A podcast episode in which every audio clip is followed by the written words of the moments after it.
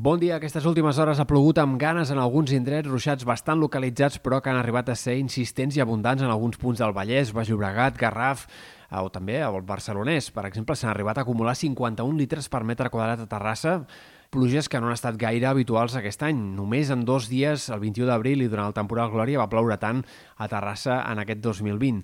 Hem d'esperar que continuïn aquests ruixats intermitents, sobretot en comarques centrals, eh, tot i que amb el pas de les hores cada cop eh, afectaran comarques més interiors, sobretot de la Catalunya central o punts del perelitoral, i en tot cas serà el vespre i nit que els ruixats tornarien a guanyar protagonisme a prop de mar, especialment al voltant de Barcelona, Maresme o fins i tot a la selva marítima. El cap de setmana començarà amb un temps més estable. Aquest dissabte gairebé no plourà en lloc, tot i que els núvols puguin seguir presents i la humitat es mantingui molt elevada.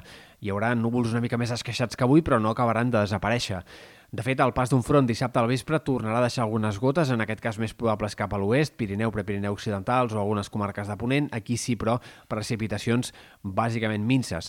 De cara a diumenge, un altre dia variable, mig ennubulat, molt insegur a les comarques de Girona i de Barcelona, però els ruixats que vagin apareixent seran puntuals, sobretot afectaran el Pirineu, però també en altres comarques de Girona i de Barcelona i pot arribar a ploure en algun moment de diumenge.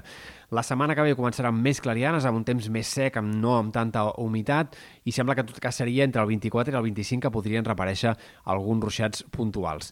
Pel que fa a les temperatures, aquest cap de setmana començarà amb un ambient molt suau, la humitat i els núvols faran que la temperatura baixi poc a les nits i que els migdies fins i tot siguin relativament agradables, tot i aquesta nuvolositat.